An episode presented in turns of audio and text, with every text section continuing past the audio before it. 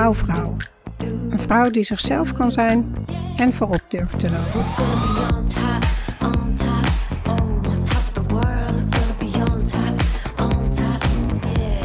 Welkom bij de podcast voor ambitieuze vrouwelijke leiders die dicht bij zichzelf willen blijven en leiden vanuit hun hart en intuïtie.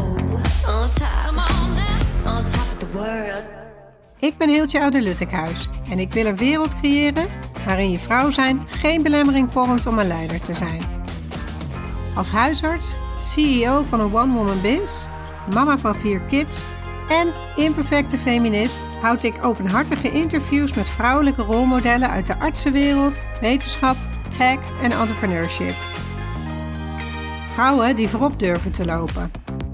Ook inspireer ik je met female empowerment topics om je zelfvertrouwen te boosten, zodat jij ook voorop durft te gaan lopen.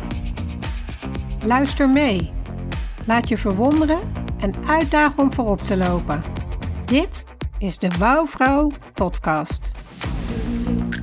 Laten we een nieuwe revolutie beginnen.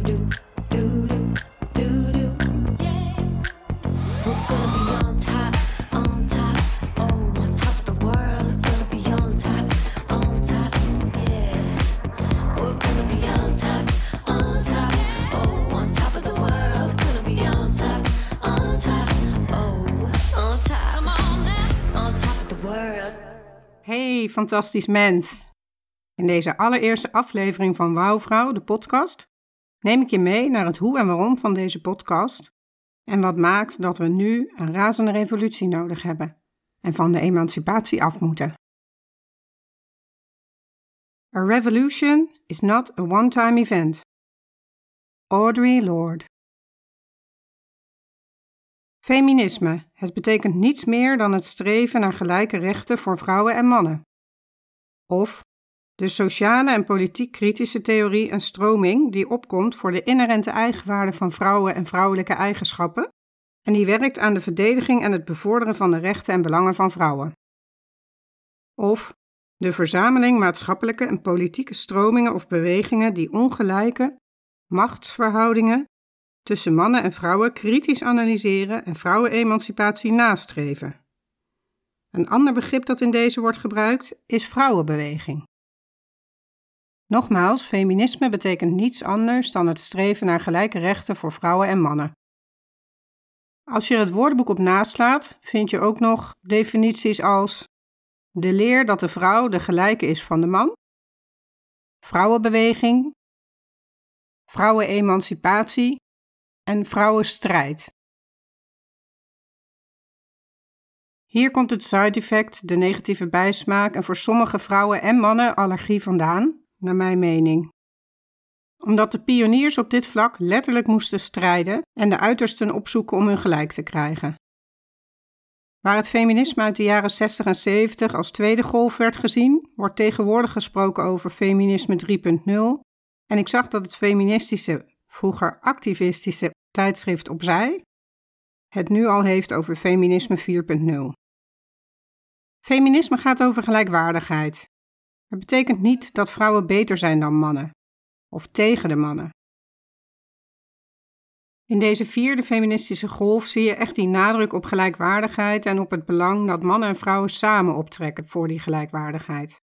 Ook mannen zullen baat hebben bij de verdere emancipatie en normalisatie van vrouwen in leidinggevende posities. De 20e eeuw was de eeuw van emancipatie voor de vrouw.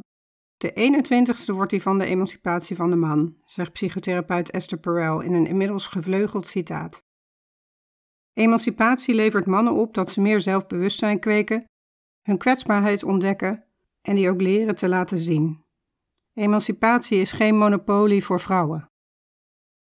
Ik ben Hiltje Oude-Luttekhuis. Ik ben huisarts en CEO van Wouwvrouw, een one-woman biz. Ik ben mama van vier kids en imperfecte feminist. Ik neem je mee terug naar de oudejaarsavond van 2019. We leven nog in de moderne tijd en ons leven is nog niet zo drastisch veranderd als het nu is.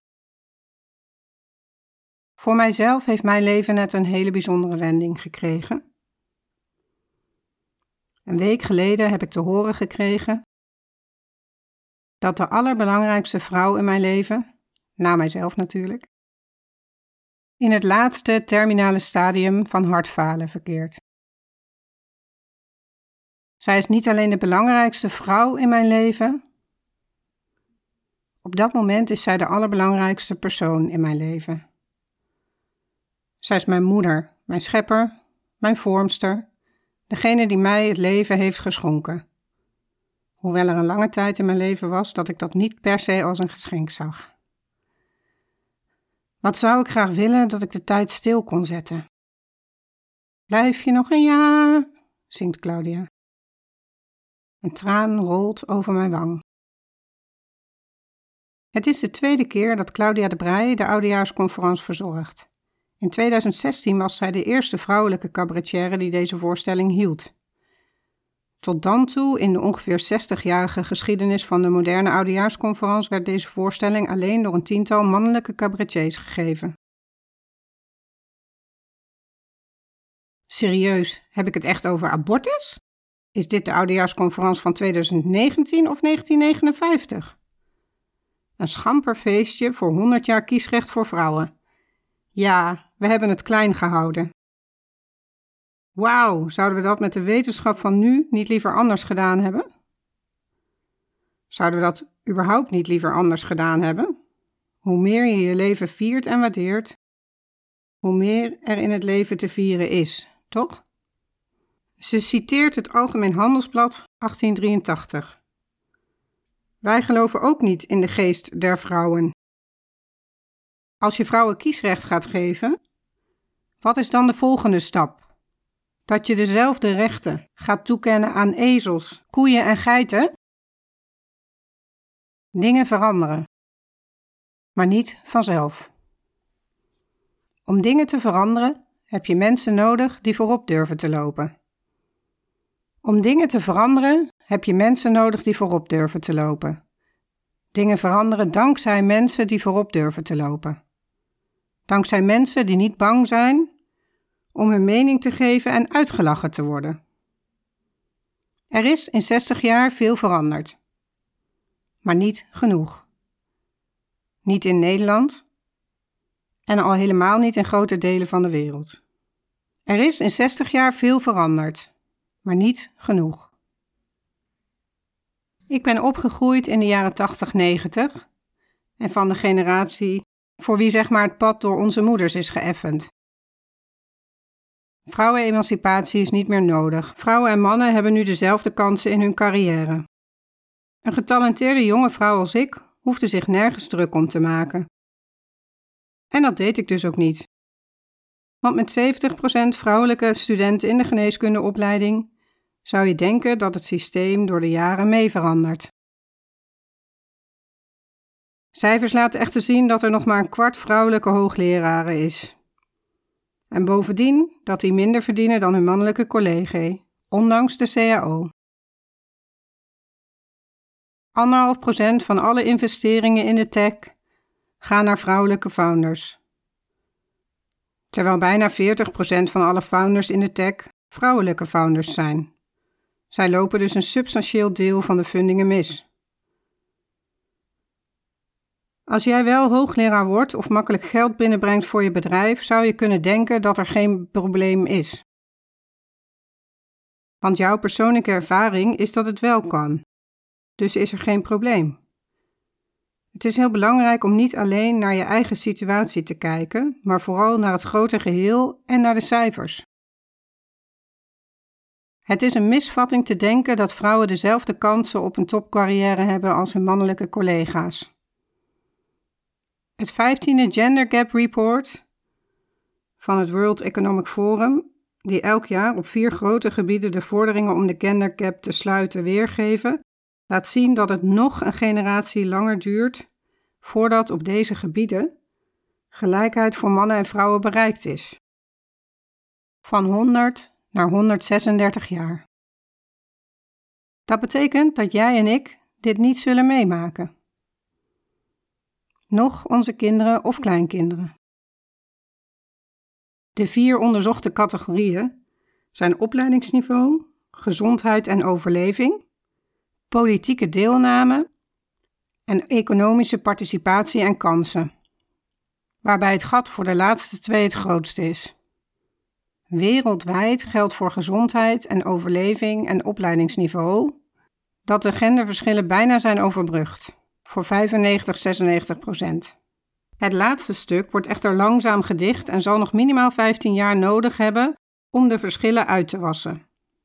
En ja, West-Europa is een van de gebieden waar genderverschillen het meest zijn rechtgetrokken. Toch verwacht men dat het nog meer dan 50 jaar zal duren voordat de verschillen opgelost zijn. Opnieuw, dit zullen jij en ik waarschijnlijk niet meer meemaken. Hopelijk onze kinderen en kleinkinderen. Voor we onszelf op de borst kloppen, jammer genoeg staat Nederland niet in de top 10 van de ongeveer 160 onderzochte landen. Zelfs niet in de top 30. Er is in 60 jaar veel veranderd, maar niet genoeg.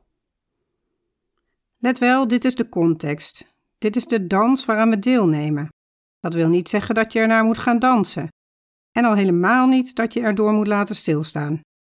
Kies je eigen dans en stappen. Denk, ondanks dat het klassieke muziek is, ga ik modern bewegen. Creëer je eigen revolutie. Voel je vrij om te bewegen buiten de geëikte dansvloer en realiseer je wanneer je je mee laat slepen door de oude melodie. Gendermindsets hebben we allemaal. Het is belangrijk ze te er- en herkennen, maar ons er niet door tegen te laten houden en onze mannelijke collega's, familie en vrienden er ook bewust van te laten worden. Diversiteit gaat over uitgenodigd worden voor het feest. Inclusiviteit over gevraagd worden om mee te doen en te dansen. Er bestaat geen verschil tussen mannelijk en vrouwelijk leiderschap, las ik laatst. Er bestaan alleen verschillende leiderschapsstijlen. B-shit als je het mij vraagt. Er zijn nog zo weinig vrouwelijke leiders in de topposities dat er al bij voorbaat een bias ontstaat als je naar gaat kijken. Hoe kun je eens onderzoeken dat er niet is? En als er alleen verschillende leiderschapsstijlen bestaan, wat maakt dan dat vrouwen van nature andere leiderschapsstijlen kiezen? Wat maakt dat het zo moeilijk is om de leiderschapsstijlen en structuren binnen organisaties en bedrijven te veranderen? Misschien klopt het wel dat er geen eenduidig vrouwelijk leiderschap bestaat. Net zoals er niet één duidelijk mannelijke leiderschapsstijl bestaat. We hebben het inderdaad nooit over mannelijk leiderschap. Ook daarin zijn verschillende stijlen geherformuleerd. We voegen het bijvoeglijk naamwoord vrouwelijk toe om te duiden dat het leiderschap in dit geval wordt uitgevoerd door een vrouw. In plaats van het nog altijd in ons hoofd bestaande beeld van de ideale leider, een man, en dan meestal ook nog een witte man, tussen de 40 en de 60 en met een hoge opleiding. Het is dus een poging om voorbij het stereotype beeld van een leider te komen. Anderzijds liet een groot onderzoek naar leiderschap zien dat van de 10 kerncompetenties die we momenteel als kenmerkend voor goed leiderschap beschouwen, voor het overgrote deel competenties zijn die we als meer vrouwelijk beschouwen. Om weg te blijven van de wij tegen zij discussie wordt ook vaak gesproken over feminien versus masculien. Maar ook dit is slechts een splitsing gebaseerd op het voorkomen van deze eigenschappen bij personen met een bepaald geslacht. Onderzoek naar de huidige vrouwelijke leiders laat zien dat deze verschillende leiderschapsstijlen hanteren, zowel de stijlen die als masculien worden bestempeld, als de stijlen die als feminien worden gezien. Wel vind ik het zelf moeilijk voorstelbaar dat vrouwen niet anders zouden leiden dan mannen, omdat vrouwelijke leiders zo onder vuur liggen, zo beïnvloed worden door cultuur en overervingen van het patriarchaat, dat het naar mijn idee onmogelijk is om je niet aan te passen en om je volle zelf te blijven. Anderzijds veronderstel je dan dat mannen en vrouwen in gedrag wezenlijk anders zijn. Het mannen komen van Mars en vrouwen komen van Venus principe. De heersende theorie over de verschillen tussen mannen en vrouwen was in de tijd dat dat boek van relatietherapeut Gray verscheen, dat die verschillen zijn ontstaan onder invloed van de geslachtshormonen, die niet alleen de uiterlijke geslachtskenmerken zouden beïnvloeden, maar ook de hersenen. En vervolgens, doordat mannen en vrouwen in de evolutie waren afgesteld op de rollen die ze hadden, mannen beschermden en jaagden of werkten buiten op het land, vrouwen bleven thuis en zorgden voor de kinderen. Uit vervolgonderzoek bleek dat de theorieën over de geslachtshormonen te simpel waren. De gedachte dat de omgeving de verschillen bepaalt, werd weer populair in de jaren 70. Onder invloed van het feminisme groeide de aandacht voor de invloed van de heersende normen op het gedrag van mannen en vrouwen. Voorheen werd wel aangenomen dat Neurtje van invloed was, maar dit bleef vooral bij aannames en speculaties, zonder daadwerkelijke onderbouwing. Inmiddels is er wetenschappelijk onderzoek dat met data laat zien dat er heel veel overlap tussen mannen en vrouwen bestaat. Janet Shipley Hyde stelt zelfs in haar Gender Similarities Hypothesis dat mannen en vrouwen vergelijkbaar zijn op de meeste, maar niet alle, psychologische variabelen. Ofwel mannen en vrouwen, jongens en meisjes, lijken meer op elkaar dan dat ze verschillen. De stereotype beelden die we hebben van typisch mannelijk en typisch vrouwelijk ontstaan door niet het gedrag van de gemiddelde man en vrouw als uitgangspunt te nemen, maar dat van de types die zich respectievelijk aan het ene of aan het andere uiterste van het spectrum bevinden. Spectrum dus. Net zoals gender nu eerder wordt gezien als een spectrum van biologische, mentale en emotionele eigenschappen die langs een continuum bestaan. Om dingen te veranderen heb je mensen nodig die voorop durven te lopen. De oudejaarsconferentie van 2019 of 1959. Deze quote en de rode draad in het verhaal van Claudia raakte mij diep. Er is in 60 jaar veel veranderd, maar niet genoeg. En toen mijn loopbaan anders liep dan ik had gedacht, dacht ik dat het wel aan mij zou liggen. Dat ik het toch niet kon. Of toen ik met een burn-out thuis kwam te zitten tijdens een promotietraject, dat ik het blijkbaar toch niet in me had. Van de opleiding tot medisch specialist, promoverend en met het streven hoogleraar te worden, ben ik geswitcht naar parttime werken als waarnemend huisarts en zorgen voor mijn vier kinderen. En alles wat ik verder nog doe als multipotentialite en creatieveling in een doktersbrein, maar dat is voor een andere keer. Begrijp me niet verkeerd, dit verhaal is niet bedoeld om te vertellen hoe zielig het is dat ik mijn ambities van destijds niet heb kunnen waarmaken. Ik ben nu veel gelukkiger dan ik waarschijnlijk had kunnen zijn door het realiseren van die dromen van toen. Ik had er namelijk heel veel voor moeten laten en heel veel voor over moeten hebben. Sterker nog, ik had mijn eigen waarden en normen ervoor opzij moeten zetten. Ik zou mezelf niet meer zijn. En believe it or not, dat had ik er niet voor over. Ik zou graag willen leiden, inspireren en een toppositie bekleden, maar niet door een mannelijk harnas aan te trekken en continu in de actiestand te staan. Mijn ogen zijn open gegaan. Ik heb gezien, gehoord en ervaren dat er heel veel vrouwen zijn die een vergelijkbaar verhaal als ik hebben. Allemaal zoeken ze een andere weg of een andere invulling voor hun carrière en leven. Ongelooflijk veel talent stroomt weg en blijft onbenut. De man-vrouw verhoudingen op het werk zijn vrijwel gelijk. Maar slechts een klein deel van de vrouwen bereikt een toppositie. Wat moet er gebeuren om meer vrouwelijke leiders aan de top te krijgen in de medische wereld, academia en corporate? Vraag ik me af. Ook zag ik een beweging van andere prachtige, krachtige vrouwen die in de crisis opstonden, eindelijk hun stem lieten horen en met elkaar verbonden. Wat maakt dat het de vrouwen die nu aan de top staan wel lukt daar te komen? Wie zijn zij daarvoor geworden? Wat heeft hen geholpen? Welke uitdagingen hebben ze getrotseerd? Hoe kun je de ongecensureerde versie van jezelf zijn, dicht bij jezelf blijven en je ambities waarmaken? Hoe word je een gamechanger en leef je je leven op jouw voorwaarden? Hoe leid je vanuit je hart en intuïtie? Wanneer houd je een goede work-life balance? Hoe blijf je authentiek in een toppositie? De antwoorden op deze vragen en meer onderzoek ik in deze podcast door openhartige discussies aan te gaan met vrouwelijke rolmodellen uit de artsenwereld, wetenschap, tech en entrepreneurship. Vrouwen die voorop durven te lopen. Daarnaast inspireer ik je met female empowerment topics om je zelfvertrouwen te boosten, zodat jij ook voorop durft te gaan lopen. Ik was altijd enorm trots om mezelf feminist te noemen. Maar na het lezen van bestuurssocioloog Mark van Ostai's blik op emancipatie, kijk ik er nu anders tegenaan. Hij zegt: Denken via emancipatie houdt bestaande afhankelijkheden in stand. We praten altijd verheven over de emancipatie van de vrouw, maar het gebruik van de term alleen al veronderstelt een fundamentele ongelijkheid en afhankelijkheid ten opzichte van de man. Sinds de jaren 70 voeren we nationaal beleid om vrouwen te emanciperen. Steeds maar weer tuigen we die mannelijke hoepel op om vrouwen er doorheen te laten springen. En vervolgens te zeggen: dit is nog niet goed genoeg, zonder ons af te vragen welke norm we hiermee in stand houden. We moeten onszelf de vraag stellen: hoe kunnen we arbeid en zorg in dit land radicaal gelijkwaardiger organiseren?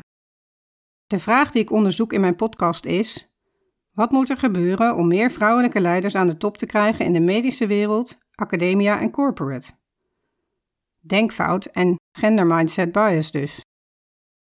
Misschien is een betere vraag: wat moet er gebeuren om de top in de medische wereld, academia en corporate inclusiever en diverser te maken? Dan noem ik mezelf voortaan een inclusivist. Wel is een diepgewortelde mannencultuur in veel organisaties de grootste barrière voor inclusiviteit.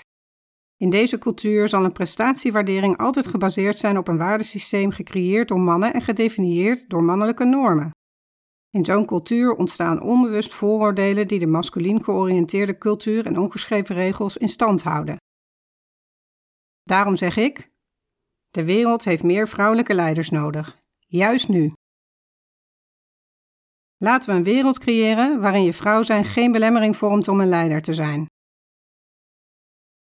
Let's start a revolution. Are you in? Wauw, geweldig dat je deze week weer intunede op Wauwvrouw, de podcast. Ik ben heel nieuwsgierig wat je inspireerde of welke inzichten je uit deze aflevering haalt. En stuur me natuurlijk absoluut een bericht als je acties onderneemt om voorop te lopen. Ik ben je grootste cheerleader. Leuk om te connecten. Op LinkedIn kun je me vinden als Heeltje Oude Luttekhuis. Ik weet het, een hele mond vol. Ik sta meestal bekend als die dokter met die moeilijke naam. Maar als je begint met Heeltje, H-I-L-T-J-E, dan verschijnt de rest vanzelf. Op Instagram vind je me als Wouwvrouw. Dat spel je met W-O-W en dan vrouw. Ben je enthousiast geraakt door de informatie in deze podcast, maar vraag je je af hoe je dit nu voor jezelf gebruikt? Dan heb ik iets heel tofs voor je. Om het beste uit deze podcast en jezelf te halen, heb ik een podcast inspiratiepagina gemaakt. Samenvatten en concretiseren op 1 A4'tje. Je kunt deze tool downloaden via www.wouwvrouw.nl slash podcast. Helemaal gratis en gegarandeerd verdieping die je ook kunt inzetten bij andere content, cursussen of congressen. Vind je deze podcast interessant en ken je iemand anders die wel een empowerment boost kan gebruiken? Deel dan deze podcast of de aflevering die je net luisterde met je collega's of vriendinnen. In de meeste podcast-apps kan dit door op de drie puntjes te klikken en delen te kiezen. Een shout-out op social media is natuurlijk ook hartstikke welkom. Steun je de missie om meer vrouwelijke leiders aan de top te krijgen in de medische wereld, academia, tech en corporate? Boost dan deze podcast door een review achter te laten. Dat is heel eenvoudig. Klik in de podcast-app waarmee jij luistert op reviews. Klik op het aantal sterren dat je wil geven en laat als je zin hebt ook een geschreven review achter. Super bedankt! Om dingen te veranderen heb je mensen nodig die voorop durven te lopen. En ik weet zeker dat jij dat in je hebt. Wonderlijke wouwvrouw, vergeet niet dat je een prachtig mens bent. Bedankt voor het luisteren.